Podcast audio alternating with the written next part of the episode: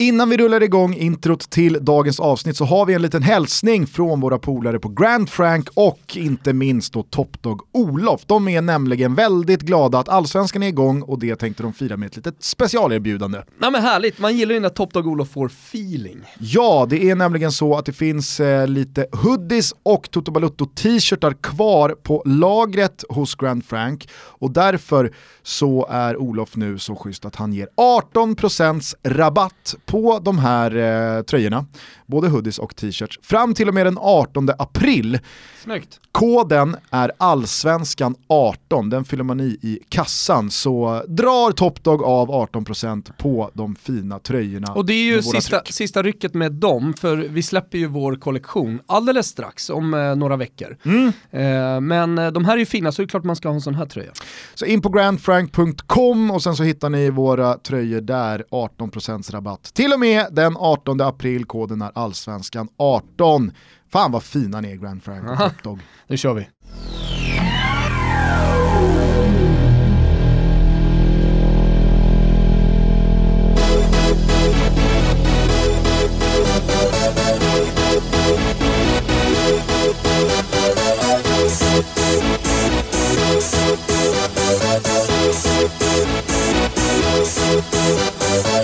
Y'all ready for this? Då kör vi igång Toto Balutto. Det, hej, känns hej, som ett välkomna. det känns som ett måndagstoto, men det är ju tisdag. Ja. Det är vad påsken gör med den. Ja, det är lite sådär. Eh, Allsvenskan har dragit igång, ligorna går mot en avslutning. Ponne spelar ju viktig match ikväll. Fan vad vi sitter och hoppas på Leeds nu.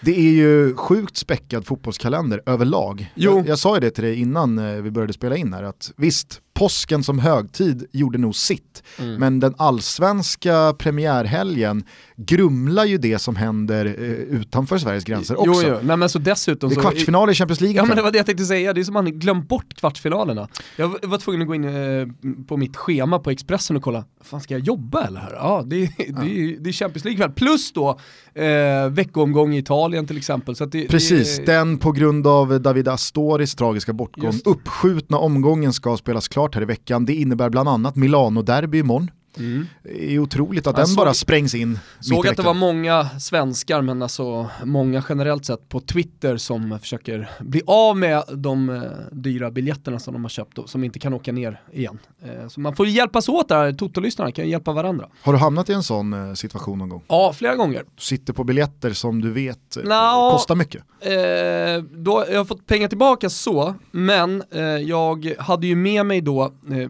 säg att 80%, alltså ett helt gäng svenskar, och säg att 80% var första gången i Florens, första gången på Frankrike, av de som var med. Och så hände ju eh, Rashidi, eh, alltså polismordet i Catania, eh, vid en match där. Så att eh, de stängde ju arenorna först och så var det lite olika bud. Men till slut då så öppnade de för säsongskortsinnehavare. Men det var ju tufft att få tag på några dagar 30 säsongskort. Så att jag fick tag på fem som vi lottade ut. Jag kan säga att den eh, utlottningen på en vingård i Grevin Chianti, den var nervös. Men alla var ju med på det, vi sa det, vi, vi gör så här liksom. Det är nästan så att man inte vill ha en biljett då. Ja, men det är ju, det är ju sinnessjukt, vi, vi försökte på alla officiella sätt och så vidare. Men det är ju sinnessjukt att sitta liksom ett kvarter ifrån arenan, höra allting, men kolla matchen på tv. Ja. Det var ju bisarrt. Jag har säkert berättat det förut, men eh, jag hamnade ju i den där situationen när det var askmolnet 2010. Då satt ju jag och mina två polare fast i Milano som en avslutning på en eh, Östafrika-resa i ett drygt halvår. Så avslutade vi med lite fotboll och fest i södra Europa. Så hamnade vi i Milano, askmolnet kommer, all flygtrafik ställs in, alla hotellrum bara sugs upp av jorden. Vi slaggar en natt på Milanos eh, tågstation, Termini, på perrongen. För det, fanns, det var helt sjukt. Min polare Kim var ju med i ukrainsk tv på morgonen Är det sant? ja, stod och pratade om hur, hur han upplevde dagarna. Men då i alla fall så får jag ett sms av en kompis här hemma som är eh, interista och ska då på semifinalen mellan Inter och Barcelona, du vet när Mourinho Mm. slår ut Barca. Men han sitter ju fast i Sverige och eh, hör av sig och säger bara du, eh, jag kommer inte ner till Milano så att det ligger två biljetter till eh, matchen ikväll på ett hotell. Så jag får adressen, åker dit, hämtar ut hans plåtar, men vi är ju tre och vi kan liksom inte komma överens om hur Klart vi ska ni göra. kan. Nej, men, Ni helt, kan, men det helt som vi ärligt. gjorde. Jo, men helt ärligt så tror jag att vi lockades mer av att de här, kan, de här två plåtarna kan vi ju faktiskt kränga. Eh, så att vi, Jo, jo. vi åkte Men jag ut, tror att det är ganska många som lyssnar på det här nu och tänker, ni krängde väl inte de här jävla biljetterna? vi sålde dem. Vi sålde dem och, ja men du förstår inte, vi hade alltså slaggat på en perrong på Termini. Vi hade inte duschat på tre dagar. Noll cash. Exakt, vi hade inga pengar kvar. Och vi hade liksom tillräckligt många gånger ringt hem till våra respektive föräldrar och bett dem föra över stålar. Alltså ena snubben, han var ju 30 lax back till sin farsa, han sa det, jag, kan inte ringa, jag kan inte ringa en gång till. Så att eh, vi sålde de här två biljetterna för, eh, jag tror att vi totalt fick eh, 1500 euro. Ja, det är ju bra. För de två plåtarna. Och då sålde vi dem alltså vid typ 13.30 på dagen. Hade man haft lite mer is i magen, chillat fram till 17, ja, då hade vi nog kunnat få minst 2000 euro. Men det gjorde i alla fall då att vi kunde checka in på ett av de få hotellen som hade rum kvar, alltså de dyraste hotellen. Eh, och så kunde vi liksom duscha, köpa nya kalsonger, käka något ordentligt och sen så såg vi matchen på en, Ja. på en bar i, i Milano. Men eh, visst, när, eh, när eh, Inter gör, eh, gör sitt tredje mål där och hela, hela San Siro bara kokar Mm. så känner man att ja, där hade det ju varit kul att vara i alla fall. Men du, på tal om uppskjutna matcher, du vet ju vilken som är den sjukaste uppskjutna matchen någonsin? Nej. Det var ju den 22 mars, eh, 19, nej 27 oktober, sorry, eh, 27 oktober 1954. Det är Fiorentina Pistoiese. Ja, den, den gamla klassiska Ja, men vet du vad som drabbningen. hände? Nej. Den sköts upp för att eh, det kom ufon. På riktigt alltså. Och det är än idag ett mysterium. Ja, Alltså, men, det, men det kom ju såklart inte ufon. Hela arenan såg det. Det var ufo. Då, då kunde du inte spela vidare match, ingen vågade och trodde att det var alien attack. På riktigt alltså. Ja, Det här finns i, ja det är, det är ju inte så länge sedan, det är dokumenterat och alltihopa. Aldrig hört dem. Nej, nej det, jo, det, Fiorentina Pistoiese ställs in på grund av ufon. Ni kan ju fylla på i hashtaggen Toto med era egna upplevelser av uppskjutna matcher. Jag har, har, jag har ju en till på lager. Jaha. En riktigt sur Ja, du får jävel. gå fort då. Nej, det var ju 2008 kan det ha varit. Eh, jag, min brorsa och en polare skulle åka ner och se Roma Sampdoria på en onsdag. Det var en sån här midweek-omgång. Eh, vi ska åka med eh, min eh, polares då ID-biljetter, hans morsa jobbade på SAS. Mm. Och natten då till onsdag så konkar Sterling, Just alltså det, SAS eh, dotterbolag. Ja, men de som skulle vara med och konkurrera lågpris eh, Exakt. mot Ryan. Och de som då vet hur Flög till ID-biljetter, Bologna, eller hur? Eh, bland annat. Ja, men jag, jag minns att Bologna var liksom Sterling flygplats. Ja. Ja, men eh, då i alla fall eh, så fungerar det så med ID-biljetter att de är så billiga och reducerade i pris för att de går som liksom standby-biljetter. Så SAS hamnar ju i skiten och måste fylla upp alla sina kärror med då avbokade Sterling-resenärer.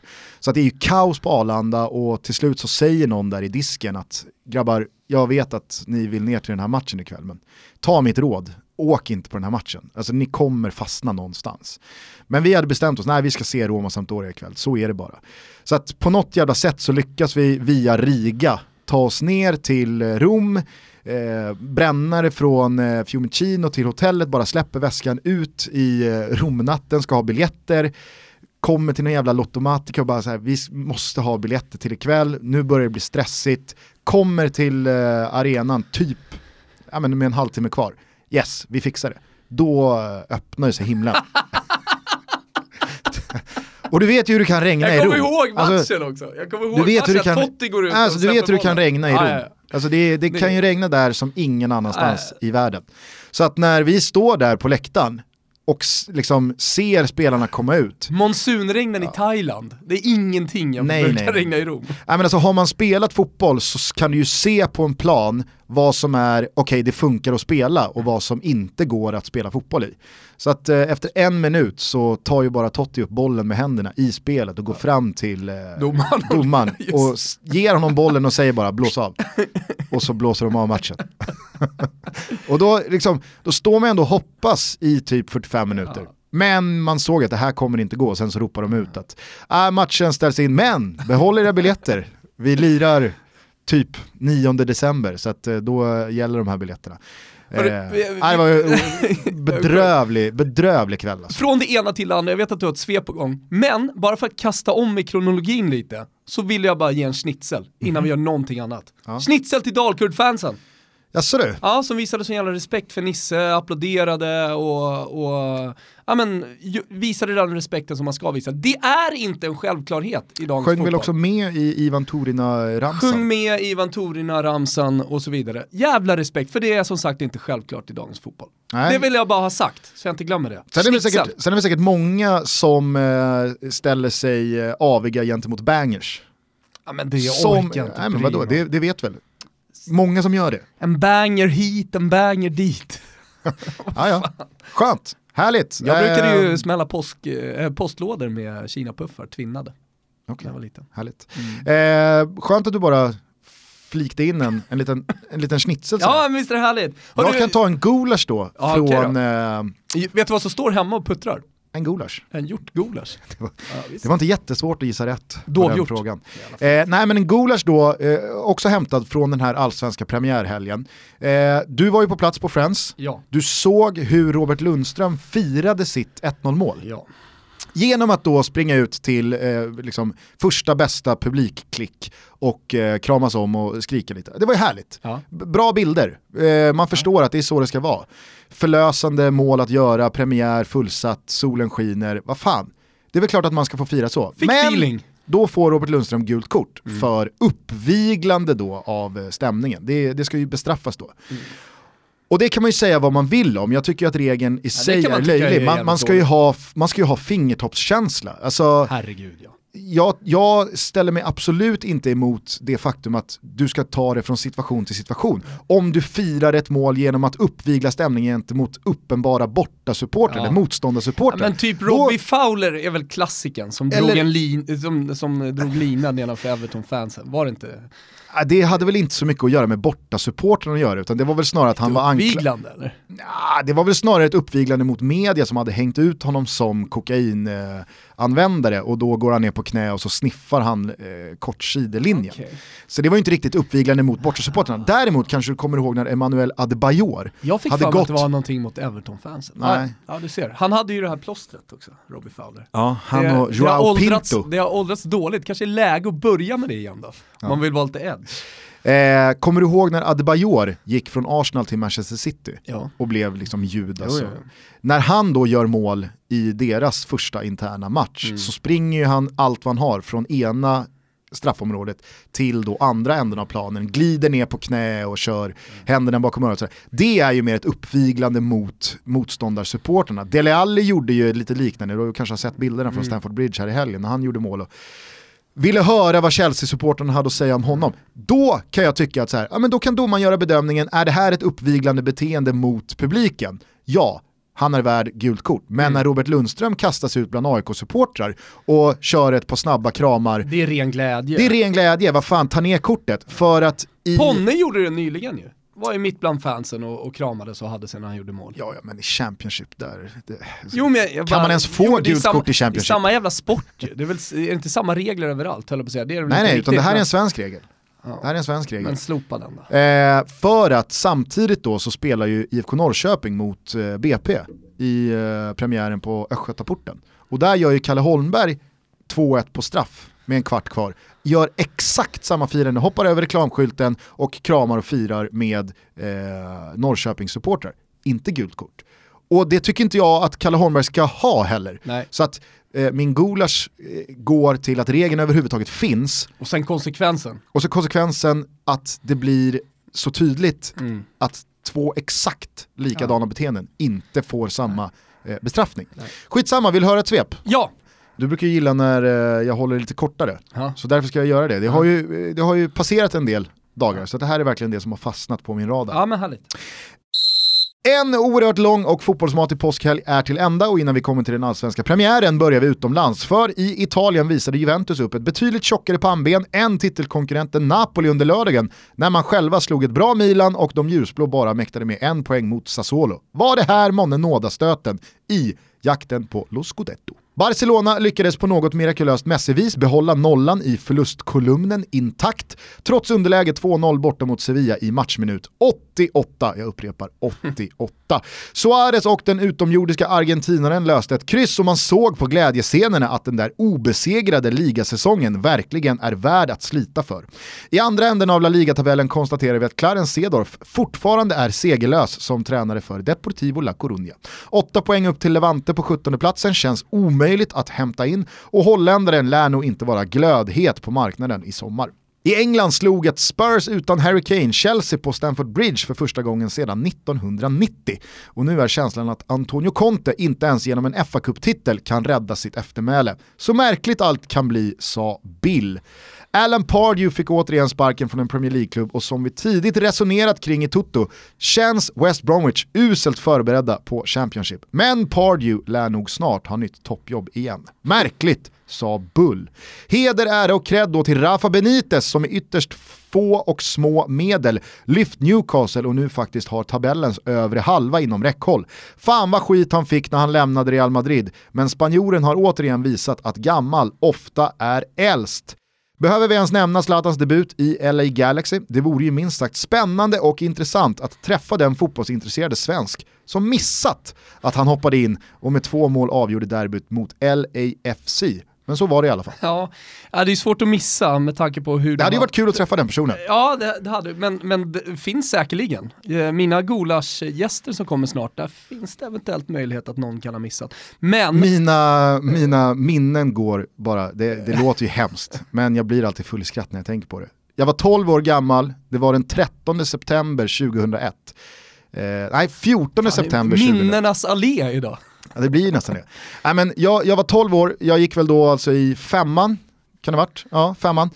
Och otroligt. vi satt i då klassrummet. Vad 2001? Ja. Det är fan otroligt, alltså, då var jag på väg till Florens. Jag ska bo. Ja, det skulle du Tänk om jag hade träffat lilla Gugge där liksom. Nej men det var så jävla roligt då att eh, då så hade vi ju i två dagar konstant inte haft någon slags undervisning. Vi hade bara suttit och pratat om 11 september och eh, ah, okay. planen in i World Trade Center. Och klippt ut i tidningar och ja men så här, det var kuratorer och man fick liksom sitta i ringsamtal. Och, ja, men, jag, det, det, var bara det. Och så efter två, tre dagar, därför 13 eller 14 september, så är det en kille i klassen då som, han heter Jim, räcker upp handen och säger bara, ursäkta men vad fan är det som har hänt? Jag minns det så jävla väl. Jimpa han hade funderat på andra grejer. Samma Jim kunde heller inte svara på frågan vilket land i Europa på någon geografilektion, jag kommer inte ihåg om det var innan eller efter, säga vilket land då i Europa som ser ut som en stövel. Han visste inte, så då ber vår lärare Peter att så här, Jim, nu går du fram till kartan och så letar du efter ett land i Europa som ser ut som en stövel. Och sen så kan du lära dig då vilket land det är. Ja. Går han fram till kartan, en världskarta. Liksom. Står och tänker länge, hittar och så till slut sätter han ner en nål i Jemen. ah, ah, vad fint. Mycket. Men ingen kan ju fan ha missat Zlatans debut. Det är Nej, men... ju, oavsett ingångsvärden, vi har ju diskuterat det här eh, väldigt länge, både kring hans återkomst från skada, jo. hans PR-maskineri som har snurrat på, lejongrejerna hit, lejongrejerna dit.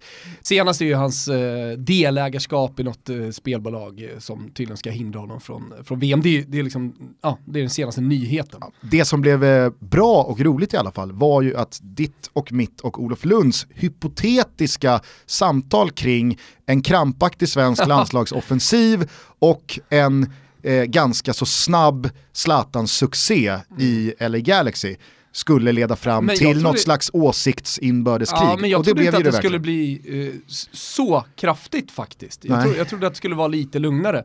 Men eh, nej, jag var ju uppsatt på att eh, dels då krönikera inför och sen så krönikera själva matchen. Eh, men sen så har ju, bara på Expressen som ett exempel, så har ju liksom Noah Bachner följt upp, Ekvall har tyckt sitt, eh, eh, jag såg att eh, Jennifer Wegerup som är hos oss nu, hon eh, kom in och, och eh, hade, hade åsikter i våran webb-tv och så vidare. Så att jag menar, ja, det, det har varit otroligt. Men det jag tänkte på, alltså för min del, jag är ju den, tillsammans kanske med Johanna Frändén då, som har krönikerat mest om Zlatan. Jag körde alla matcher i, i eh, PSG och slutet på Italien-tiden och alltihopa. Jag skriver så otroligt mycket och gärna ska man ha lite vinkel åt Zlatan-hållet och sådär. Det är inte alltid lätt, eh, men jag har utvecklat det till någon slags konst att försöka hitta det. I början när han blev skadad så tyckte jag att det var ganska skönt. Så här, ja men fan, jag får fokusera på lite annat också. Sen har jag kommit att sakna honom lite. Så inför den här helgen nu när det var hett och man visste att många kommer säkerligen läsa sånt där, ja, men då går man igång lite extra. Sen fick jag bara här nu på morgonen från Kalle Forsell, eh, min chef på, på Expressen. Du, eh, åttonde här, måndag, eh, Kansas City hemma, den är 03 men det är lugnt va? Så nu är man igång igen vet du. Knacka guide inför VM, kommer bli en jävla fin guide. Och så kör man Zlatan. Mm. Ja. Ja, härligt. Det jag skulle säga i alla fall att bortsett alla de här olika ingångsvärdena och olika diskussioner som varit kring Zlatan senaste tiden så kan man i alla fall bara konstatera att det är häftigt hur han själv gör alltså, vad han själv lägger på bordet i den här tiden mm. när han återigen då är i händelsernas centrum. Det målet han gör, den dramaturgin som blir att de alltså vänder 0-3 till seger 4-3, Zlatan gör 3-3 och 4-3. Ja det är liksom så här, det blir bara för löjligt bra. Ja. Manus. Ja, jag, jag avslutade min införkrönika med att, kan inte bara, jag vill bara se Zlatan. Fan vad gött att få se honom lira fotboll igen. Jag har saknat honom. Smäll in ett skott från 25 meter, gör en jävla konststycke i straffområdet. Eh, och så blev det det scenariet. Och när jag, när jag satt och kollade på matchen när han kom in, det gjorde någonting med mig. Jag trodde att jag ändå på något sätt, att det inte skulle känna, för ett halvår sedan skulle jag säga, då hade jag inte känt så mycket. Men nu, det var starkt. Ja. Ah, det var, jag är så var, jävla glad att, se honom. Det var otroligt häftigt att det kan bli så när alla liksom förväntar sig att det här är vad som måste ske. Ja. Men man kan inte riktigt tro på det och det är först när det sker man inser hur sjukt det är att han gör som han gör. Det är ju någonting med han och debuter, jag vet inte vad det gör med honom. Vissa har ju försökt få det till att han inte är det där de, är stora. Jo jag vet, det är lite låtsasrekord-grejen. Men... Vänta, innan du fortsätter, jag har fan låtsasrekordens låtsasrekord. Sluta. Jo men jag har det. Jag älskar faktiskt att eh, folk eh, har liksom eh, tagit fasta det. på det där. Vi pratade om det för eh, ett, ett, år sedan, år sedan. Ja, ett och ett halvt år sedan ja. om, om låtsasrekord. Jag tror den fick en rejäl slev gulasch. Ja. Eh, och så tog vi upp lite exempel. Sen har ju det där levt vidare. Exakt, jag, jag gjorde ju eh, en ganska stor apparat av att nu får det fan vara nog. Jag tror att det var Sportbladet eller om det var Expressen. Som, Gjort flest mål som i den trettonde minuten. Han, nu har Ronaldo, det här är Ronaldos alla rekord i Champions Champions League. Och så mm. var liksom typ så här, det fjärde fetaste rekordet var att han har flest assist på bortaplan i Champions League. Det är bara såhär, sluta. Ja. Det är inte ett rekord. Det är det, liksom, och Då kan man hitta rekord överallt. Folk har i ett och ett halvt års eh, i ett och ett halvt års tid fortsatt att då liksom pinga in mig mm. i olika typer av rekord. Eller Toto. Eller Toto. Mm. Men det är mycket kring eh, hockey och baseball och amerikansk fotboll och sådär. Och där känner jag att det är liksom utanför min sfär. Men när det är fotboll då brukar jag tycka att det är roligt när folk fortfarande gör det. Och då var det någon som taggade in mig i den här igår. Cardiff, eh, Cardiff City är ju på ja. väg upp i Premier League, gör det ju riktigt bra ja. bakom Wolves. Cardiff City are the first team in League history... Punkt, punkt, punkt to win five consecutive league matches versus teams beginning with the same letter. De har alltså fem raka segrar mot lag som alla börjar på samma bokstav. Bristol City, Barnsley, Birmingham, var det Brentford och Burton. Var det Championship-rekord eller var det hela den engelska fotbollscirkusen? Spelar det någon roll tycker du? Nej, alltså jag är ändå intresserad. Det är så jävla meningslöst rekord. Ja, ja det, det, är faktiskt helt jävla meningslöst. Ja. Fortsätt. Eh, eh, nej men eh, jag bara återkopplar lite eh, till svepet. Jag tycker att folk borde få bli lite befriade från tyck kring om Zlatan ska spela i landslaget eller inte. Alltså så jag tänker att vi, vi låter det vara lite, så får vi se vad som händer och sen så kan vi återkomma till det i maj någon gång. Jag skrev om eh, detta som en liten, eh, bara, eh, en liten passus i ett inlägg på min blogg på Fotbollskanalen. Ja, fan, som jag skriver sedan några veckor tillbaka. Där, hörni. Ja.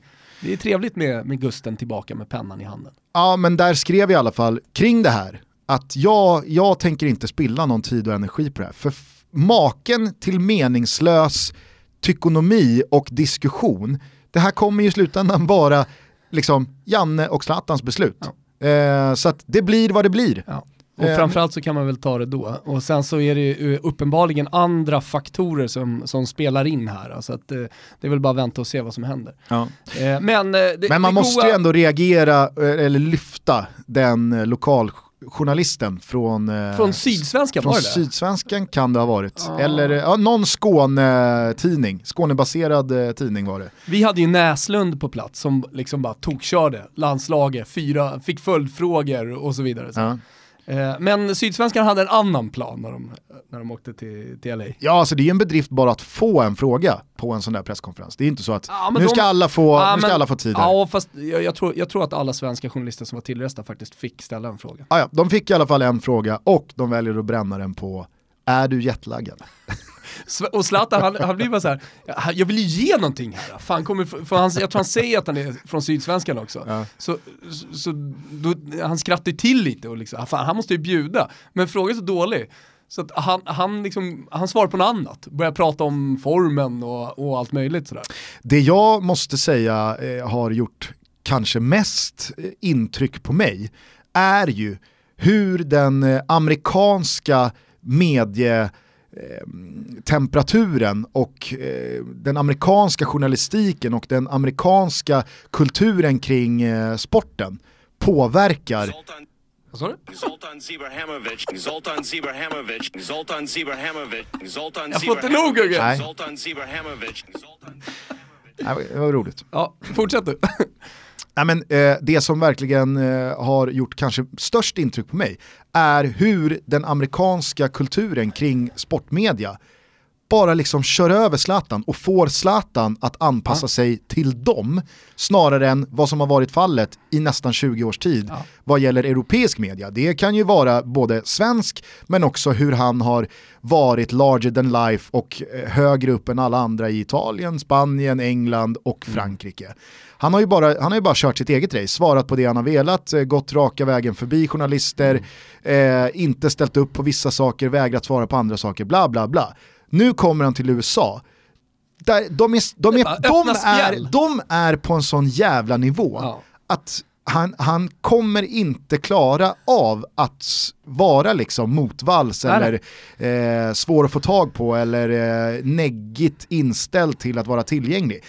Så sitter jag och ser då någon eh, pre-match-grej och då har två stycken eh, ankar, ett ankare och någon expert, liksom. de sitter på någon barstol med Zlatan innan eh, matchen. De sitter på plan väl? Ja, exakt. Ja. Och det är bara, så- alltså, du vet så här, Bara garvigt Ja, men Zlatan, och- Zlatan, Zlatan typ krymper för att de här jänkarna är så jävla verbala, Ja. de är så självklara. Så mycket pondus. De har sån jävla liksom, vi är störst, bäst och vackrast. Tar de upp någon jävla parfym? Ja, då tar ju en snubbe upp då Zlatans parfym och sprayar liksom i luften över Zlatan och Zlatan blir som en så här det som, eh, han har varit eh, fotbollsspelare i ett halvår och liksom, jaha nu det är bara att ställa upp, kul, vi garvar jo, men, här och jo, bjuder men på sig själv. Jag tycker den här videon som jag lite skämtsamt spelar upp, den, eh, den tycker jag nästan liksom beskriver hela läget bäst. Här står han utanför, han säger Zoltan Ibrahimovic för att han känner för säga det och han gör det utan att tveka. Men han vet inte vem- han vet inte vem Zlatan är. Nej men han skiter i att ta reda på vad han heter och det låter också så här självklart, det är Zoltan Ibrahimovic, eh, du vet.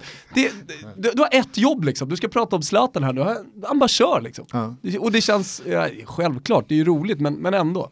Nej, det, det, det, det är fascinerande att se amerikaner, för de är fan inte världsbäst på fotboll. Det ska gudarna veta. Men de är så jävla i en egen liga när det kommer till självklarhet, pondus och auktoritet vad gäller sportsändningar. Det är en helt annan liga. Alltså. Men eh, det, det gjorde någonting med mig hur som helst att eh, Zlatan gick till MLS. Jag kollade lite andra nyheter från andra ligor och då, då, då stannade jag till på, eller jag fastnade vid eh, TVs som drog baksidan här. Och det är ju inte konstigt att han har dragit baksidan, sånt händer väl en, en, en spelare som går eh, mot eh, sitt slut och så vidare. Känns ju inte Eh. som att Carlos Tevez är en spelare som har skött stretching jätteväl senaste åren. Han är nog rätt, han, han är stela baksidor. Men det är ju var han, han, han drar baksidan. Han är ju då och hälsar på brorsan som sitter i finkan, så kör de lite så här Yale Yard eh, fotboll. Lite calcetto liksom, ut, ute, på, ute på gården, inne på finkan. Ah, då drar han baksidan. Han är ju ändå Boca Juniors, Vad de som inte han har koll på det. Va? Vad sitter brorsan för? Ingen aning, det kanske vi vi ska ta reda på. Är det sjukt att man vill att det ska vara mord? Ja det är sjukt. Fast ändå inte så, alltså det hade ju varit Alltså, en det, jag tycker downer att om man... det gör storyn bättre på något sätt. Ja, Ja, det hade ju nej. varit en downer ifall han sitter för eh, typ Bilstöld. skattefi- skattefiffel. Ja, eller bilstöld eller någonting sånt. Nej men vi får, vi får kolla upp det. Hur som helst, sjukt i alla fall. Stämpling till mord är nästan ännu bättre. Stämpling. Det är någonting med den rubriceringen, stämpling till mord. Tillbaks till MLS, för det är ju inte bara Zlatan som går starkt. Anton Oj. Tinnerholm alltså, lever ju Mallen. ut mallen. Återigen alltså, helvete. New York City leder Eastern Conference. Ja. Och det är mycket tack vare Anton Tinnerholm. Nytt mål här i helgen, bombar ju in en eh, volley på hörna, rätt upp i klykan vi, Visst. via ribban. Eh, alltså det, det, det, är svårt att inte, det är svårt att inte älska Anton Tinnerholm. Kanske är det nu liksom MLS verkligen landar i Sverige. Problemet är ju dock 03.00 hemma mot Kansas, man sätter inte klockan. Kanske, vad vet jag. Eh, Men eh, på tal om Tinnerholm och New York City eh, FC så har han en lagkamrat som fick oss att minnas korta spelare. Massimiliano Morales. va? Maxi Morales spelar i, spelar, han- han spelar i New York. Maxi Morales, alltså inte med Zlatan. Nej, med Tinnerholm. Ja med Tinnerholm exakt. Ja. Alltså han är, eh, Maxi Morales, är, för öga, jag vet inte ens hur lång han är, men känslan är ju att han är 1,50. Och det, där är också så här, man ser, han står bredvid eh, hörnflaggan. Så känns hörnflaggan nästan eh, lika, lika hög som han. Ja. Ja, men det här fick oss att minnas eh, väldigt korta spelare som har eh, passerat revy. Eh, jag minns ju till exempel då den, eh, den italienska landslagsmålvakten, stod väl i Inter och Lazio framförallt, Angelo Peruzzi. Jo men han är kort också för att han var keeper. Så att det gjorde det hela Ja, exakt. ögat. Men han såg, ut som, en- han såg ut som en liten stubbe. Exakt. Otrolig. Och han såg ju väldigt, väldigt mycket ut som den svenska målvakten i Malmö FF då, Jonny Fedel. Också kort. Eh, de, de var ju nästan eh, tvillingar. Och här, här är ju en konstiga. AIKs före detta målvakt, nu i Turkiet va? Vem? Eh, u keepern fan, nu tappar jag namnen bara för det. Karlgren. Karlgren, han känns ju kort när du ser honom på tv, men han är lång. Han är 1,88 skulle jag säga. Ja. Men känns kort. Så det, det, det, det är känslan man får också. Johnny Fjell, ingen aning hur lång Johnny Fjell var, men känslan var att han var ruggigt kort. Det är samma sak med... Bartes, du har ju några. Ja, men det, är, det är samma sak vad du har för spelare i direkt närhet på planen. Ja. Alltså eh, en målvakt har ju oftast ganska resliga mittbackar framför sig, så Mm. gör man någon så här, man jämför dem synligt. Det är därför Jakob Une Larsson i Djurgården, han ser ut att Precis. vara 1,56. Nej men det, det, det är ofta de här sydamerikanska målvakterna, vad hette han i Colombia på 90-talet med Higuita. Nej men i, ja, Iguita absolut, men eh, den andra kanske inte var eh, Colombia Nej, förresten. Mexiko. Mexiko Campos. var det ja, Campos. Med den färgglada målvaktströjan. Man älskar ju för övrigt eh, 90-tals målvaktströjorna. Börjar bli lite retro nu igen. Ja satan vad de är tillbaks. Ja, Nigerias eh, två ställ har ju fått oerhört mycket kärlek här inför Mm. VM. exakt. Sämre dock går det för Puma, som har eh, gjort någon tankevurpa vid ritbordet och kört, äh, vad fan ska vi inte bara köra samma tröja på alla lag? Ändrar vi lite bara, vi ändrar bara färgerna. Otroligt misstag alltså. Ja, jag tror nog det. Men eh, korta spelare Valbuena måste ju vara med på den här listan va? Ja, Mathieu Valbuena är ju bland det minsta man har sett på den yttersta eh, scenen. Alltså han har ju inte, han har inte hållit till i någon uh, gärdsgårdsserie. Utan han han spelar spelat- franska landslaget framförallt. Eh, Exakt, och så, det finns ju någon bild som är tagen från någon landskamp där liksom fotot är taget från en vinkel så att spelaren han är bredvid står någon meter eller några meter närmare kameran men det syns inte riktigt så att Valbuena ser ju verkligen ut som han ser ut som eh, någon, någonting man ser på cirkus. Ja. Titta här! Titta, ko, di, kolla det här, Ja, freak of det, nature. Det, det som förstärker också känslan av att han är kort är att han har så otroligt korta armar. Han ser ut som, han, han ser liksom ut som storebrorsan till eh, dvärgarna med nycklarna på Ja. Fort Boyard. Ja men exakt. Men, men eh, det, någonting som jag kommer att Tunnis tänka på, ja, jo, nu, Stämpling riktigt- Ja, verkligen, verkligen. Kortväxta för övrigt. Men han, han, Men har, du- han har så korta armar, Valbuena. Han, han har så korta armar. Det här får mig att tänka på en sak i alla fall Gusten. Eh, eh, som jag har uppmärksammat på sociala medier. det är att eh, jag vet inte om det är någon grej som klubbarna håller på med, men man ställer den långa killen som går hand i hand med spelarna in, eh, in, eh, inför match, Ja. ställer man bredvid den korta killen. Ja. Och det, det, här är, det, det sker inte bara i en liga. Jag såg det senast med Jovinko, på tal om korta spelare. E- En kille som både vägde mer och var någon centimeter längre. Så vem, vem är det som går hand i hand med vem här? Eh, men har också blivit en grej eh, eh, i, jag tror att det var i, Ita- i Italien som man gjort det med, med Insigne. Alltså det kommer in liksom, alltså man gör det med flit liksom. Ja. Det kommer in några 1,30 killar och sen så, den som går med Insigne, det är den storväxta. Ja, men det är ju, det är ju eh, smärtsamma bilder varje gång det, det sker. Jo, att men- någon av de här liksom, superstjärnorna står bredvid en liten Men var uppmärksam- 11-åring som är större och fetare. Och, Men var uppmärksamma på det här eh, nu lite på sociala medier, för det här kommer mer och mer. Kanske blir det till och med en VM-grej i Ryssland, vem vet? eh, Valbuena, han kallas ju i alla fall för eh, Le Petit Vélo, The Small Bike, den lilla cykeln. Svagt smeknamn. Svagt smeknamn. Eh, men det finns ju en spelare vi, vi måste nämna ytterligare här i, i, det, i det här rövarbandet, Papu Gomes, Ja, kaptenen i Atalanta. Han är inte heller lång alltså. nej, han är också i Jovinko, eh, Valbuena-skalan. Det är ju någonting Men med de här bra. spelarna som får eh, bollen att se för stor ut. Ja, Det ser ut som att Papu Gomes, exakt. han ska spela med en Han ska fyra. spela med fyra, ja, exakt. Men alltså, det är nästan lite häftigt att han får upp en femma i, i luften. Vi är denna vecka sponsrade av Nextory. Mm. Vet du vad det här är Thomas? Ja, det låter som någon, något slags berättande va? Ja, det är nämligen ett eh, i princip oändligt bibliotek av e- och ljudböcker. Mm. Det har ju blivit väldigt populärt. Ja, och med koden TUTTO, Mm, bara TUTTO, enkelt. T-U-T-T-O, Toto. under nextstory.se kampanj då får man en hel gratismånad och full access till hela det här biblioteket. Och där finns det ju såklart eh, hur mycket skönlitterärt som helst. Det finns romaner och det finns säkert kokböcker och eh, allt du kan tänka dig eh, om du vill lära dig att bli en bilmekaniker. Men framförallt så finns det ju biografier. Och det gillar ju du och jag här. Ja, verkligen. Varför inte med lite fotbollstouch? Om jag frågar dig så här, George Best, Lionel Messi, Harry Redknapp, Steven Gerrard eller Alex Ferguson.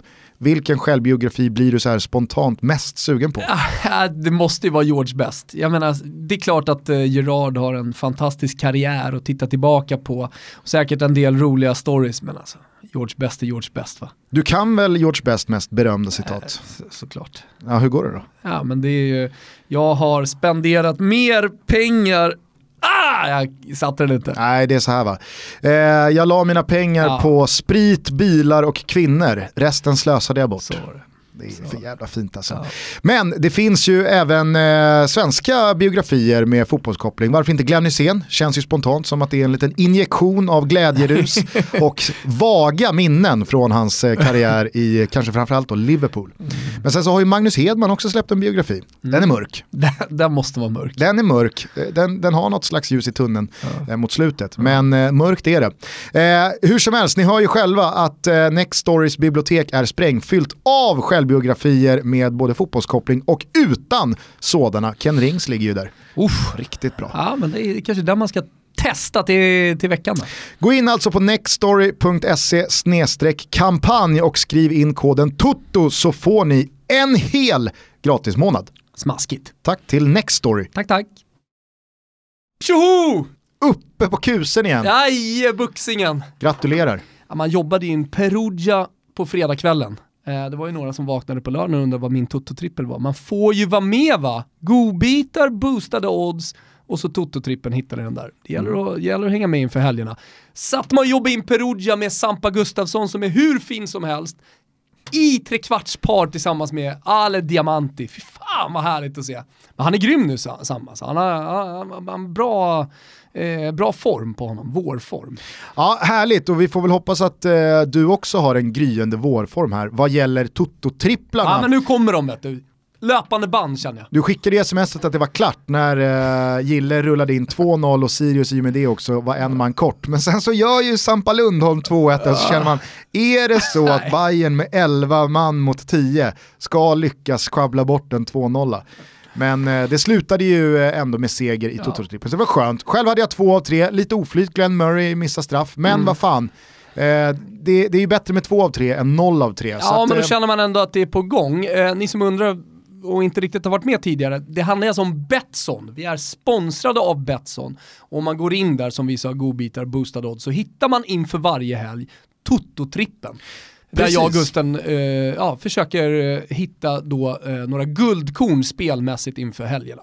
Vi eh, har också tävlat ut en rad olika kickers som vi har kallat det genom eh, alla avsnitt som vi har gjort. Fan vi har hållit på över Ja. nästan ett och ett halvt år här nu. Visst. med Toto-tripplarna. Det har varit Fifa och det har varit matchtröjor och det har varit biljetter till matcher utomlands och så vidare och så vidare. Men nu känns det roligt att återigen då kunna skicka in matchbiljetter till de allsvenska läktarna eh, och valfria matcher då under maj månad. Så att eh, till helgen, till nästa trippel, så börjar det bli allsvenska matcher igen som kicker. Var med oss då, de finns som sagt under godbitar och boostade odds på Betsson. Insatsen är 148 kronor. Tompa är i kanonslag och jag vågar lova, jag vågar lova att min form också är gryende. Så att, eh, det känns roligt här nu med april när man kan hitta guldkorn i motivation också. Mm, verkligen. Det finns lag som har att spela för och så finns det de som Oh inte ja. har att spela för. Oh, ja. Så att eh, fortsätt vara med oss på Toto-tripplarna. Tack och puss till Betsson. Ville du säga någonting om eh, svepet? Kanske inte om svepet i sig, men däremot så fanns det ju väldigt mycket från den. Du pratade till exempel Det var ju om... det jag menade. Ja, jo, ja, Vad det berörde. Ja, exakt. Nej, nej men eh, vi måste bara kommentera ligastriden i Italien kort. Att nu kommer vi till mars, jag tjatar om det hela tiden. Nu är inte jag någon Eh, något orakel eh, som sitter på, på alla svar. Verkligen inte, inte därför, det är ingen uthängning här. Men jag tjatar ändå mycket om det, att det handlar om att vara stark nu! I mars och i april, det handlar om att hänga med hela vägen och det är nu man ska sätta in växeln, det är nu man ska vara så jävla bra. Vissa tränare är skickliga på det, vissa klubbar är skickliga på det. I Juventus så sitter det liksom i väggarna som man brukar säga. Men det är också så jävla väntat att de åker borta mot Sassuolo och tappar en poäng och Juventus liksom krigar, krigar ner Milan. Jag skrev det på Twitter Det var efter, inte, det var, efter de här matcherna. För det var inte i den här matchen, det var inte i den här omgången som Napoli skulle tappa. Nej. Utan det var ju en svår omgång, men nu tappar man mot Sassuolo. Det var ju i den här omgången Napoli skulle eventuellt då Eventuellt käka in käka in. ytterligare poäng. Ja, men nu är det fyra, nu kan Juventus till och med förlora matchen, direktmötet mot, eh, mot Napoli som kommer här nu i april. Ja. Och det tycker jag är trist. Ja, men, eh, jag skrev det på Twitter efter de här båda matcherna att eh, Juventus visar upp ett pannben som är typ 30 scudetti tjockare än Napoli. För man ska komma ihåg att Napoli har ju bara ligan att fokusera på. Juventus ska möta Real Madrid ikväll tisdag. Mm. Ändå så går man ut och slår Milan med 3-1. Ett Milan som dock... Jo men då är så här Quadrado tillbaka från skada Ja. och så gör han mål och är han fantastisk. Alltså det är alltid någon som studsar in och man pratar om breda trupper. Napoli har ju inte det. Ah, men vadå, klarar man sig inte, vad fan, de borde borde kunna hantera och spela. Nej man gör inte det, för i slutändan kommer man till april och så åker man och kryssar borta mot Sassuolo. Det är det som händer. Frågar man Alexander Axén så handlar det ju inte om tur eller otur, men den här matchen hade ju kunnat sluta väldigt annorlunda, den mellan Juventus och Milan alltså, ifall Hakan Çalhanoğlu's skott hade smitit under ribban och då gett Milan ledningen med 2-1 med en 20-25 Sen är det lite typiskt att det är han som tappar markering också. Ja, men jag skulle bara säga det om Çalhanoğlu, fan vad man gillar spelare som sitter inne på sådana skott. Ja. Som inte har den alltså foten. Alltså kolla på typ Ronald Koeman, han är väl eh, hästsparken förkroppsligad. Ja. Just för att han ser ut att ha en jävla hästspark i den där dojan. Ja men vi hade så här Marcus Stork i vårt fotbollslag. Han såg ut att ha en hästspark. Du har säkert också haft någon i ditt lag. Du kunde kolla liksom på motståndarna, där har du en jävel som ska skjuta. Kommer du ihåg Johan Andersson, gamla mittbacken Ah, ja. i Bayern? Ja. Danken kallad. Ja. Han såg ju ut att sitta inne på jordens jävla sträckta vrist. Ja. Och det var exakt vad han gjorde också. Sen hade han ju noll känsla i samma tass. Han kunde ju inte slå en passning på 20 meter, men han kunde fan mörsa på liggande boll från 30 meter och få Ja, bolljäveln att flyga i 200 Det är km ju i vanliga med de som har den jävla hästsparken. Ja. Det är ju att de, de, de har inte så bra känsla, har inte så bra teknik. Men de har ett jävla skott. Men Çalhanoğlu, han är ju en ganska tunn, lite gänglig, ser inte alls ut att sitta inne på den här eh, enorma hästsparken. Men det är som att han skickar iväg någon sån här, eh, vad heter Harrison Fords eh, Indiana, Indiana Jones, med piskan. Alltså han har som en, det är som att han sitter inne på en jävla piska. Bara rappar och så bara smäller det. Bollen bara Varför, flyger varför iväg. Indiana Jones? För att hans piska är ju... Är det den snärtigaste piskan? Okej, okej. Och så låter det nästan lite om Chalanoglu och hans skott. Det ser i alla fall ut som det. Buffon står ju bara så här, måtte den här nu inte gå in. För jag har inte en suck. Han inte röra sig. Christian Eriksen skjuter ju ett liknande skott eh, förbi Caballero i matchen mellan Chelsea och Tottenham. Eh, men Chalanoglu är ännu värre. Alltså det, det, tiden Mm. står ju stilla när han skickar iväg det där skottet. Och det är nästan att det blir ytterligare effekt för att ingen riktigt får ihop att, vänta nu, sköt han Ja. det där skottet? Nej, men, och, eh, hans grej är ju snarare då att skruva in frisparkar, att ha Ja. feeling på liggande boll. Sen har han ju gjort ett par otroliga eh, mål, Sorry. både från liggande men också i spel, med en sån där piskskott tidigare. Så det var ju inte så att, vänta, vad är det här? Alltså Chalanoglu sitter ju inne på ett otroligt tillslag. Men det är alltid uppfriskande när man ser honom lossa och man känner att fan, han ska inte ha den här sparken i sig. Men satan alltså. Nej men eh, jag, jag tror precis som du att det här var omgången då det avgjordes. Mm. Eh, för att Juventus eh, med en, med en förlust i hand När, när Så jag sa att jag, att jag tyckte att det var lite tråkigt, då är det ju för att jag vill bara ha den här sista omgången. Det är så sällan nu för tiden i stora ligorna att vi får en sista omgång där scudetton eller eh, ligastriden, för all del även i allsvenskan som förra året när Malmö liksom ledde in på, eh, eh, eller eh, hade, hade avgjort i kostym så att säga, firat i kostym. Fan, det är ju så jävla härligt. Maj, solen skiner, har koll på två planer, man ser folket på läktarna sitter med, med, med radio. Och det är då den här läktarramsan kommer, eh, eh kommer igång. Alltså från borta fansen. Kan du den eller? Nej. Intervengo qui da Lecce ha segnato Chevanton Din dom, din dom Och den snurrar ju på många olika ramsor. Kanske ett tips då till alla allsvenska supportrar, ultra som står på kortsidorna, att kanske ha eh, eh förberett då inför en, en skarp ligaavslutning i allsvenskan. Alltså eh, borta supportrar som då eh, påminner om att det har blivit mål, eller plingar in målet så att säga med en ramsa. Det är svårt att få in pling. Din Eh, dom är ju plinget. Exakt, men Ja. ding dong är ju inte, det, det är ju inte household inom svensk liksom, mål eh, notifikation. Ding dong! Nej, det är ju pling eller dö, dö, dö, dö, mål.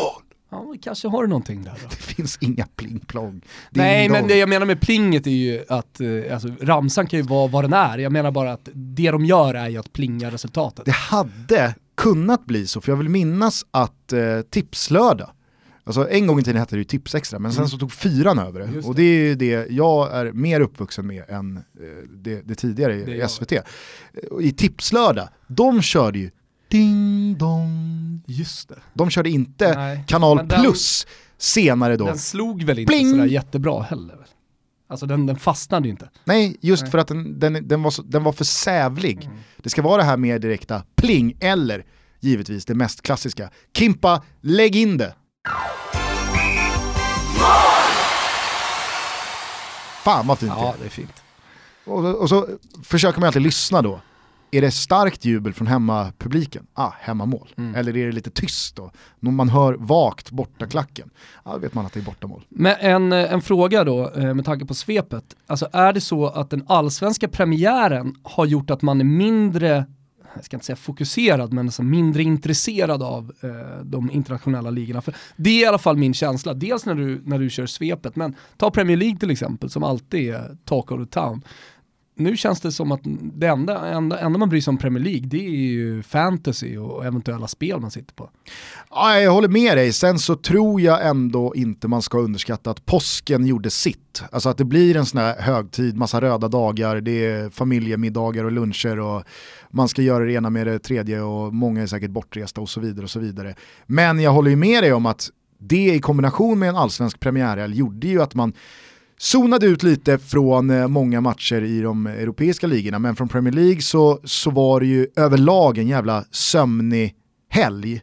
Alltså det hände ju inte så jävla mycket. Det är en sån här spöktillställning på Old Trafford, United Swansea 2-0, stor jävla Kanske gäsp på hela matchen. då. Och en en normalt hyperintressant match mellan Chelsea och Tottenham känns ju ganska avslagen i och med att man inte har så jävla mycket att spela för. Visst, Nej. Chelsea hade väl genom en seger kunnat göra anspråk på en Champions League-plats, men ja, nej, det, det, var, det var lite avslaget och även i Spanien så, det var ju häftigt att se Barca lösa det där krysset mot Sevilla. Men jag menar, Real Madrid roterar eh, i väntan på Juventus i Champions League, Atletico Madrid är så här, ja det är Clarence Cedorfs lag vi möter så att det är avgjort Det in, innan eh, vi Det ens spelar ingen roll vad vi ställer, vi ställer igång. P10 på planen, det spelar ingen roll. Kanske, kanske allra, allra bäst exempel på hur avslaget saker och ting känns är att Bayern München slår Dortmund i Der Klassiker med 6-0 och det var bara en enda stor axelryckning. verkligen. Ja, okej. Spela Isak alltså. Nej, han satt på bänken hela matchen. Sen drog han upp till eh, storstan i Stockholm. Mm. Kom tillbaka och skulle se AIKs match. Rullade in i en riktigt dyr bil, Alltså, har ju rapporterna gjort gällande. okej. Eh, nej men eh, jag tycker i alla fall att eh, de eh, saker värda att beröra fick jag med i svepet där. Att Barcelona verkligen gör en grej av att gå obesegrade en hel ligasäsong. Och även fast man heter Barcelona så är det ju häftigt. Det är ju mäktigt. Du såg ju på Manchester City hur länge de höll lågan vid liv kring den här förlustnollan. Och vilken ändå grej det blev när Liverpool slog dem i januari. Med Barcelona så är det ju liksom, visst, det är väl klart att mycket ska till för att man inte ska ha med en ligatitel att göra, men att faktiskt gå 38 matcher utan att förlora är ju häftigt alltså. Mm, ja det är det verkligen. Eh, viktigt för dem också att ha tillbaka Messi som var skadad under landslaget. Eh, Busquets också tillbaka.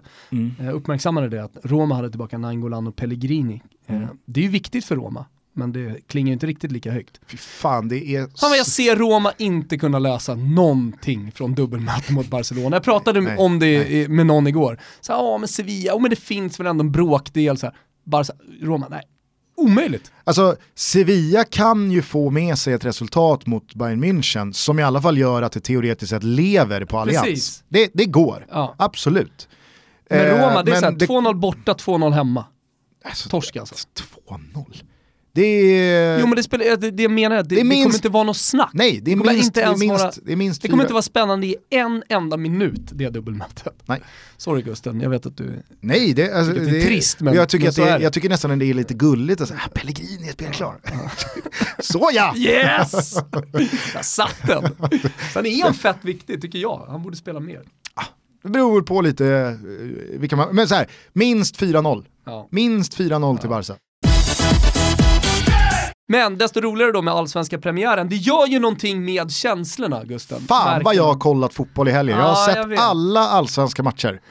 Eh, det kunde inte jag göra i och med att jag var ena på plats. Vi Ja. pratade ju om det innan, så fan ska jag gå? Då sa jag, nej men kan inte du sitta hemma och följa det andra? Så, så eh, ha, kan du i alla fall ha lite perspektiv om vi sitter och pratar om allsvenskan. Jag tog en för laget. Du tog en för laget. Uppmärksamma några saker från den här premiären. Ja. Östersund torska, Ja, Mm. och som de torskade. men eh, kommer igång snart kanske mot SM-guldet. Alltså det man, det, man, eh, det man eh, är lite brydd över kring Östersund är ju deras nu eh, i tre raka matcher oförmåga att eh, göra någonting annat än samma, samma, samma sak. Man hade problem mot Geis att eh, verkligen få till eh, de farliga lägen mot eh, lågt stående försvar. Löser det till slut med 1-0. Det blev exakt samma visa mot Malmö och det blev exakt samma visa mot Djurgården. Jag förstår inte eh, hur eh, Islamovic kan få fortsatt förtroende gång efter annan, för han, jag tycker han ser helt iskall ut. Han är inte i takt med musiken. Ja, kanske kommer. Kanske kommer det. Jag tycker att det är märkligt att Jamie Hopcat sitter på den där bänken Mm. i match efter match också. Jag tycker han är den klart bästa anfallaren Men vilken, jämte Saman Ghoddos. vilken jävla start Djurgården har fått för alldeles oavsett vad som händer här kommande två matcher. De har ju en tuff inledning också ju. Mm. Har derbyt det här nu. Eh, AIK också tufft såklart eh, med Malmö borta och sen Djurgården hemma. Men vinsten i semifinalen och sen eh, seger i premiären borta mot Östersund. Sen har de ju tre säkra mot Trellehulla här nu i omgång Det två. känns som ruggigt eh, starka tre pinnar, det har du i och för sig rätt i. Eh, men, men säg att de tar den då, de har sex poäng inför derbyt. Då spelar det, alltså det är klart det spelar alltid roll att torska ett derby, men det, in, inte så mycket just nu i det här läget, för det är så otroligt mycket vind i seglen. Och sen så tycker jag också att det är intressant när man, när man sitter och kollar på trupperna inför, vissa nyförvärv då som smäller så högt. Eh, Malmö, Malmö såklart, eh, AIK också nyförvärv som smäller högt, namn som, som låter mycket eh, i, i fotbolls-Sverige. Eh, Men sen så är det en snubbe som Danielsson som kliver in och så här stjäl showen. Eh, spelare som man inte tänker på. Det får mig också att, eh, att fundera lite kring det här som jag eh, har varit lite tveksam kring. Alltså hur man får eh, edge, alltså hur man, hur man kan köpa sig edge i just allsvenskan. För jag tror inte att det skiljer så mycket på de här spelarna som det kan göra i andra ligor. Alltså Manchester City, PSG och de här, de kan verkligen köpa till sig den enorma spetsen och vara överlägsna som Bayern München som vinner ligan redan i slutet på mars och så vidare. Eh, men, men i allsvenskan så oavsett liksom hur eh, överlägsen du är ekonomiskt så kommer du aldrig komma dit. Nej. För att det går att hitta de här spelarna. Framförallt så går det ju att göra skillnad på en träningsplan. Alltså det Öskan har uppnått här nu tillsammans med eh, assisterande och hela sin stab och hela laget över tid i utvecklingsfas, framförallt defensivt, Mm. är ju också en faktor som är jävligt häftig att den gör så stor Jo. skillnad i en allsvensk serie. Och här, här saknade man ju både Une Larsson och eh, Jonas Olsson väl. Ja. Så att jag menar, det, ja, det är två ordinarie mittbackar, håller ändå nollan mot då eh, det här upplyfta, hyllade Östersund. Ja, man håller ju inte bara nollan, alltså, man hade kunnat spela två halvlekar till. Ja. Man hade fortfarande inte släppt in mål. Nej, det var, det var liksom så här, är det stängt. Ja. Det, ni kommer inte komma närmre än skott utifrån. Och det vet vi som har sett Östersund en hel del. Det är inte jätteofta folk tar skott utifrån. Men det jag måste säga här kring eh, den här matchen är ju efterspelet då. För att precis som att folk tävlade i vem som kunde skriva fyndigast och bäst tweet kring Zlatan, när han då hoppade in och gjorde två mål i sin debut, så var ju liksom Eh, det, det blev ju ett litet race då kring vem kan skriva bäst tweet om den här matchen. Antingen sammanfatta Östersunds impotens att komma till lägen eller Djurgårdens ramstarka defensiv. Pratar du om supportrar eller pratar du om eh, krönikörer och Ja, experter? Alla möjliga. Ja, okej. För att det är, det är ju vad sociala medier är. Det är ju, liksom, det, det är ju de med 150 000 följare som är jättelästa och så, finns så finns det de man följer som eh, ja, in, Mm. inte är några offentliga personer. Men alla tävlar Ja, ja, men med att med. få till den bästa tweeten. Visst, visst. Och när det då kommer till eh, Östersund-Djurgården så skulle det då såklart antingen handla om Östersunds impotens, Djurgårdens ramstarka liksom, kollektiva defensiv eller då Marcus Danielssons eh, individuella insats. Eh, Noah Bachner skrev till exempel, finns eh, Marcus Danielsson på Twitter eller har han blockerat allt och alla även här? Ja. Och då blev det så här, ja. Men Eh, trots det var ju att, fyndigt. det var lite fyndigt, absolut. Men trots det så är det ju då en annan offentlig person, en krönikör, en sportjournalist som utmärker sig genom att fokusera på en annan spelare, få till en annan mer slagkraftig liknelse som nu kommer, jag, är, jag vågar lova det, som kommer då bli en, en följetong under säsongen. Han har fortfarande den edgen att han kan liksom lyfta blicken, hitta eh, den spelaren som inte alla så uppenbart stirrar på. Okej. Och det här är ju en sportjournalist som du och jag har varit lite oroade för eh, i samtiden. Han hänger inte riktigt med sociala medier, Instagram, Twitter, eh, han har ingen smartphone. Han syns liksom inte på samma sätt som andra kollegor och andra eh, Simon Bank. spelare i den här branschen. Precis, Simon Bank. Du och jag har ju uppriktigt frågat oss själva, vet en 17-åring idag vem Simon Bank är? Mm. Just av den här anledningen, han är ganska så pluslåst, han är ganska så... Eh, eh, Vet inte om han är så pluslås, dock. Okej, men han har i alla fall, han, han skrivs mer i tidningen är ju känslan, än vad det är klickisar på nätet. Han syns inte i några webb-tv-magasin, han är inte med i poddar, Ja, han han finns inte på väg, sociala liksom. medier och så vidare och så vidare. Dessutom så har ju han då, till skillnad från Erik Niva, eh, han har ju de senare, på, på senare år eh, börjat skriva väldigt mycket om andra sporter. Mm. Alltså det kan vara simning eller det kan vara eh, vad, vad det nu är. Niva har ju varit mer fotboll och då eh, är det klart att man når, Bank har alltid varit simning för övrigt. du, förstår, hans... du förstår vad jag menar. Ja, ja, jag är med. Det är lite som eh, basketen för mig. Ja, skitsamma, eh, han, visar i alla fall, han visar i alla fall på då att han eh, fortfarande är att räkna med. Jaha. När han då väljer att fokusera på Djurgårdens eh, nya eh, mittfältare Ulvestad och likna honom vid Pacman. Att han käkade upp Östersundsspelare och Östersunds Frågan är om ytor 17-åringarna som, som lyssnar på det här vet, vet vem Pac-Man är.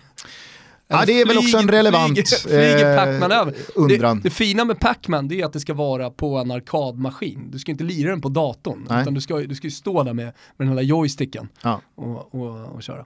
För alla er som inte vet vad Pac-Man är, Ja, men skyll er själva. fan goog- googla. Exakt. Ja. Ja. Ni, ni får ta reda på det helt Nej, enkelt. su- super, eh, Men det var verkligen så här, det var game over på att försöka vara fyndig kring Östersund-Djurgården när Bank hade dundrat ut att Ulvestad såg ut som Pac-Man. Nej men eh, det, det går väl inte att säga så mycket annat än att Djurgården ser på riktigt hur tunga och starka ut som helst. Eh, Östersund ser faktiskt oroande trubbiga ut. Mm.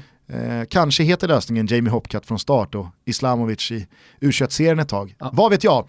Eh, andra matcher som jag eh, tycker är, är värda att nämna i, i någon slags här premiärspaningssnurra är ju såklart Bayern. Bayern, Bye. Bayern, Bayern, Bayern, Bayern. Bye. Gille, hattrick, nu vill ju vissa få det till att ja, hur svårt är det att göra hattrick när man får Lovade han två en straffar? supersäsong eh, när han var här hos oss? Ni som inte har lyssnat så finns ju Gille att lyssna till. Jag vet inte om han lovade det, men däremot så var han ju absolut seriös med att han fortfarande Tror när en VM. VM-dröm. Mm. Eh, och man får ju säga att han, han gör en bra start i att eh, i alla fall visa intresse Mm. kring en truppplats. Eh, men överlag så måste jag säga att jag tycker faktiskt att Bayern ser ganska så bra ut. Jag tycker de ser jävligt, Nu är vi en match in visserligen. ja men inte bara det, alltså, så här, den här matchen förvisso, men jag tänker på truppen i stort. Visst, oerhört bajig fadäs med både Erkan och Djurdjic. För er som har missat det så är ju då Djurdjic, han var inte spelklar på grund av pappersarbeten. och vad är eh, grejen med Erkan? Erkan, där har ju alltså hans turkiska klubb ja, men helt sonika gått ut och sagt att nej, det är, det är, ingen övergång som är klar här. Okej. Vad fan håller ni på med? Så att jag tror att det är ganska bråda dagar för eh, sportchef Jesper Jansson att eh, lösa det här. Eh, men det kommer givetvis lösa sig. Samtidigt så kanske det kostar eh, någon mille extra eller två. Men där har ju Bayern varit förut. Du, du minns väl när de värvade Petter Furuset Olsen från Visst. Örebro? Presenterade honom med tröja på på hemsidan och pappersarbetet inte var klart. Så ÖSK slog på en miljon. det är jävla fint alltså. Eh, bra förhandlingsläge. Ja, nej men, eh, Nej, men, med, med Erkan och Djurdjic eh, eh, också vid sidan om den här truppen. På bänken sitter till exempel då eh, Mats Fenger, eh, där sitter Sander Svensson, Men- Kennedy Bakircioglu sitter där. De har en massa spännande yngre spelare.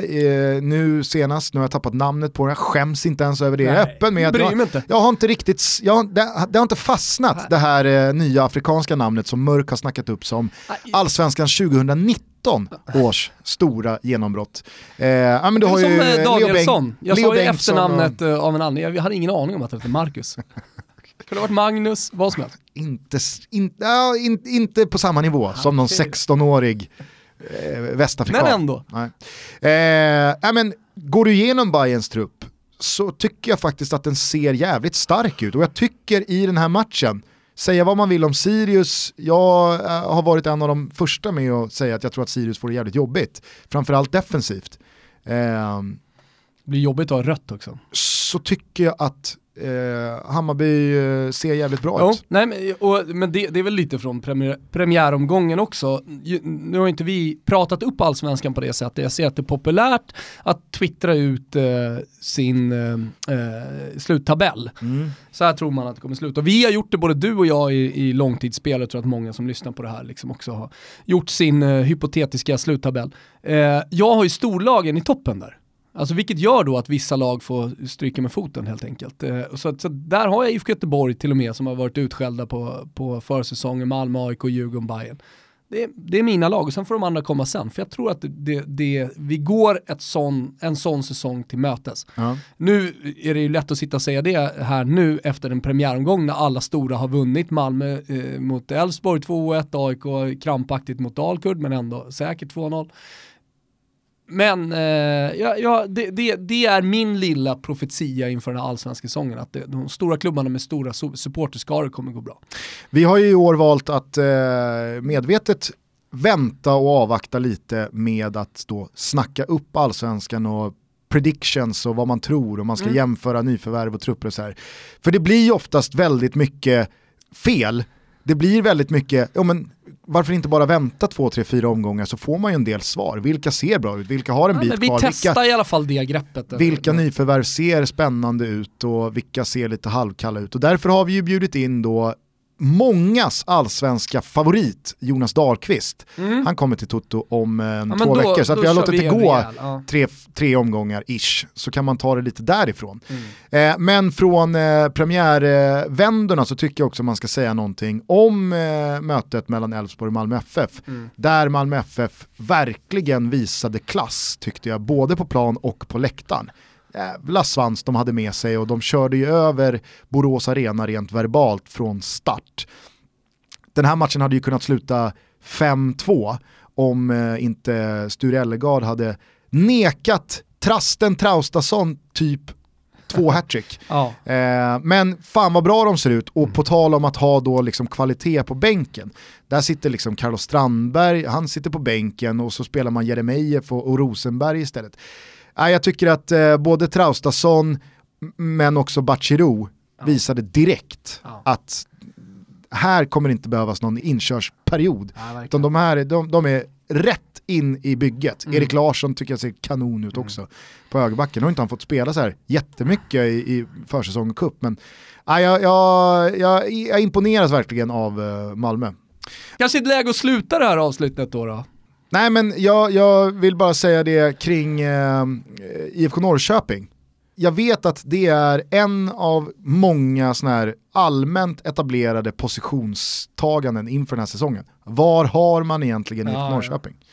Det är ju liksom, Sirius kommer få det De jobbigt. svävar lite precis bakom de största truppmässigt. Ja. Alltså. Malmö AIK, det, de kommer liksom göra upp om guldet. Eh, Ja det det, de kommer, det kommer krävas sägningarna. tålamod i IFK Göteborg med Poja. Ja, Elfsborg är lite bortglömda och var har man egentligen IFK Norrköping? Eh, men den här premiären spär ju bara på det. svåra på Vångavallen.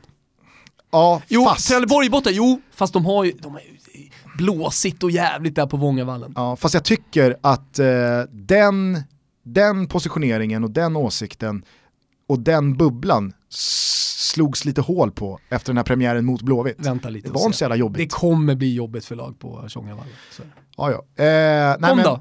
Norrköping Ja, gör ju eh, en eh, så jävla svårtydd premiär så man mot sitter Brommapojkarna. fortfarande Exakt. med samma. Ja. Jag är nästan ännu mer osäker kring IFK Norrköping efter den här premiären än vad jag var innan och då var man ändå ordentligt så här, ja vad har man egentligen Peking? Eh, men eh, det, det, det, det är väl härligt ibland att saker och ting kan få vara som man trodde att de här är svårbedömda och sannoliken var de svårbedömda. Det enda jag är nyfiken eh, kring, som jag inte då genom alla mina eh, liksom, kik på matcherna eh, från den här helgen, är ju hur Nisses avtack och eh, den ceremonin var. Den var precis så fin som man hade kunnat förvänta sig. Alltså dels var det ju mycket folk på nationalarenan och sen så eh, hade ju alla, liksom, man hade ju kunnat förbereda det här i, i och med att det inte hände mitt i säsong. Så har man ju haft ett par veckor på sig, liksom, hur gör vi det här på, på det mest värdiga sättet? Eh, så, så, och det, det gjorde man verkligen. Kunde inte vara mer värdigt. Nej. Ja, jag, jag, jag var ju laddad på hur det skulle Men det är också bli. en, så, ja, jo, men det är också en sån grej som inte funkar genom tvn, utan det, det funkar Ja, på plats. Ja. Man känner verkligen känslorna inne på arenan.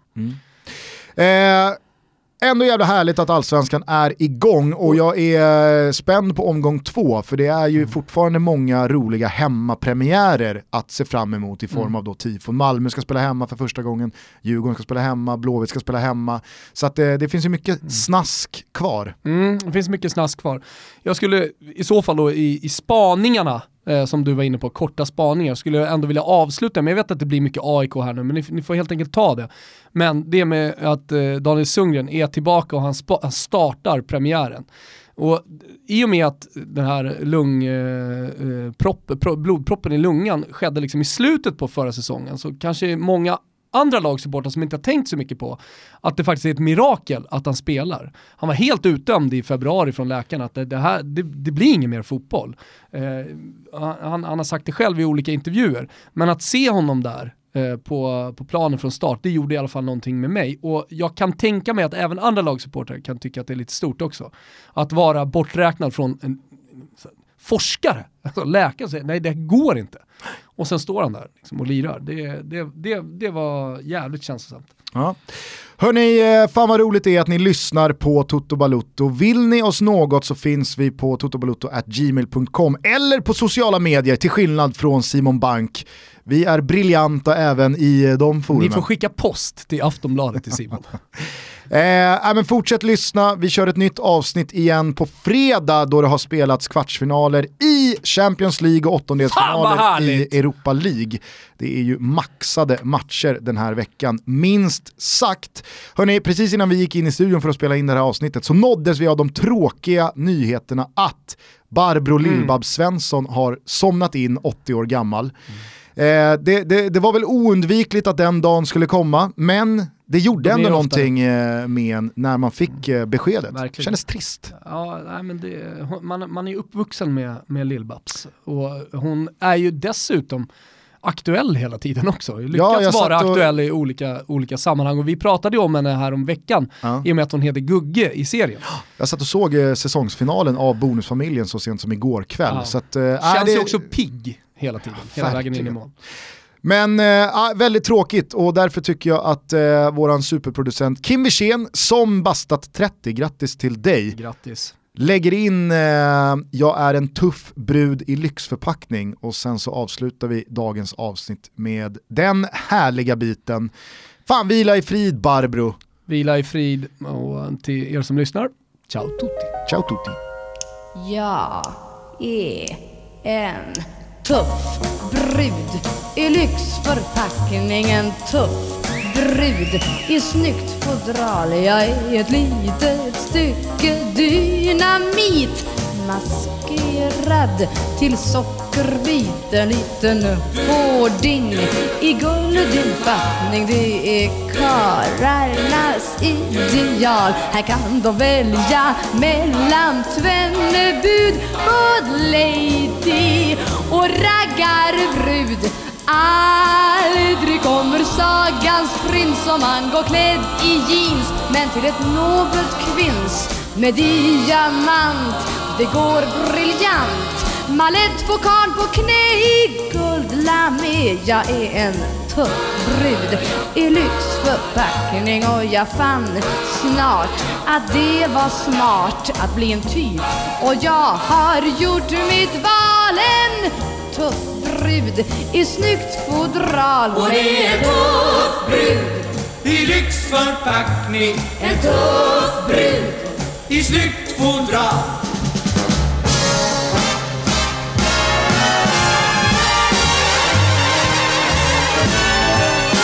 liten pingla, I praktupplaga, det är det av vackert skal Aha!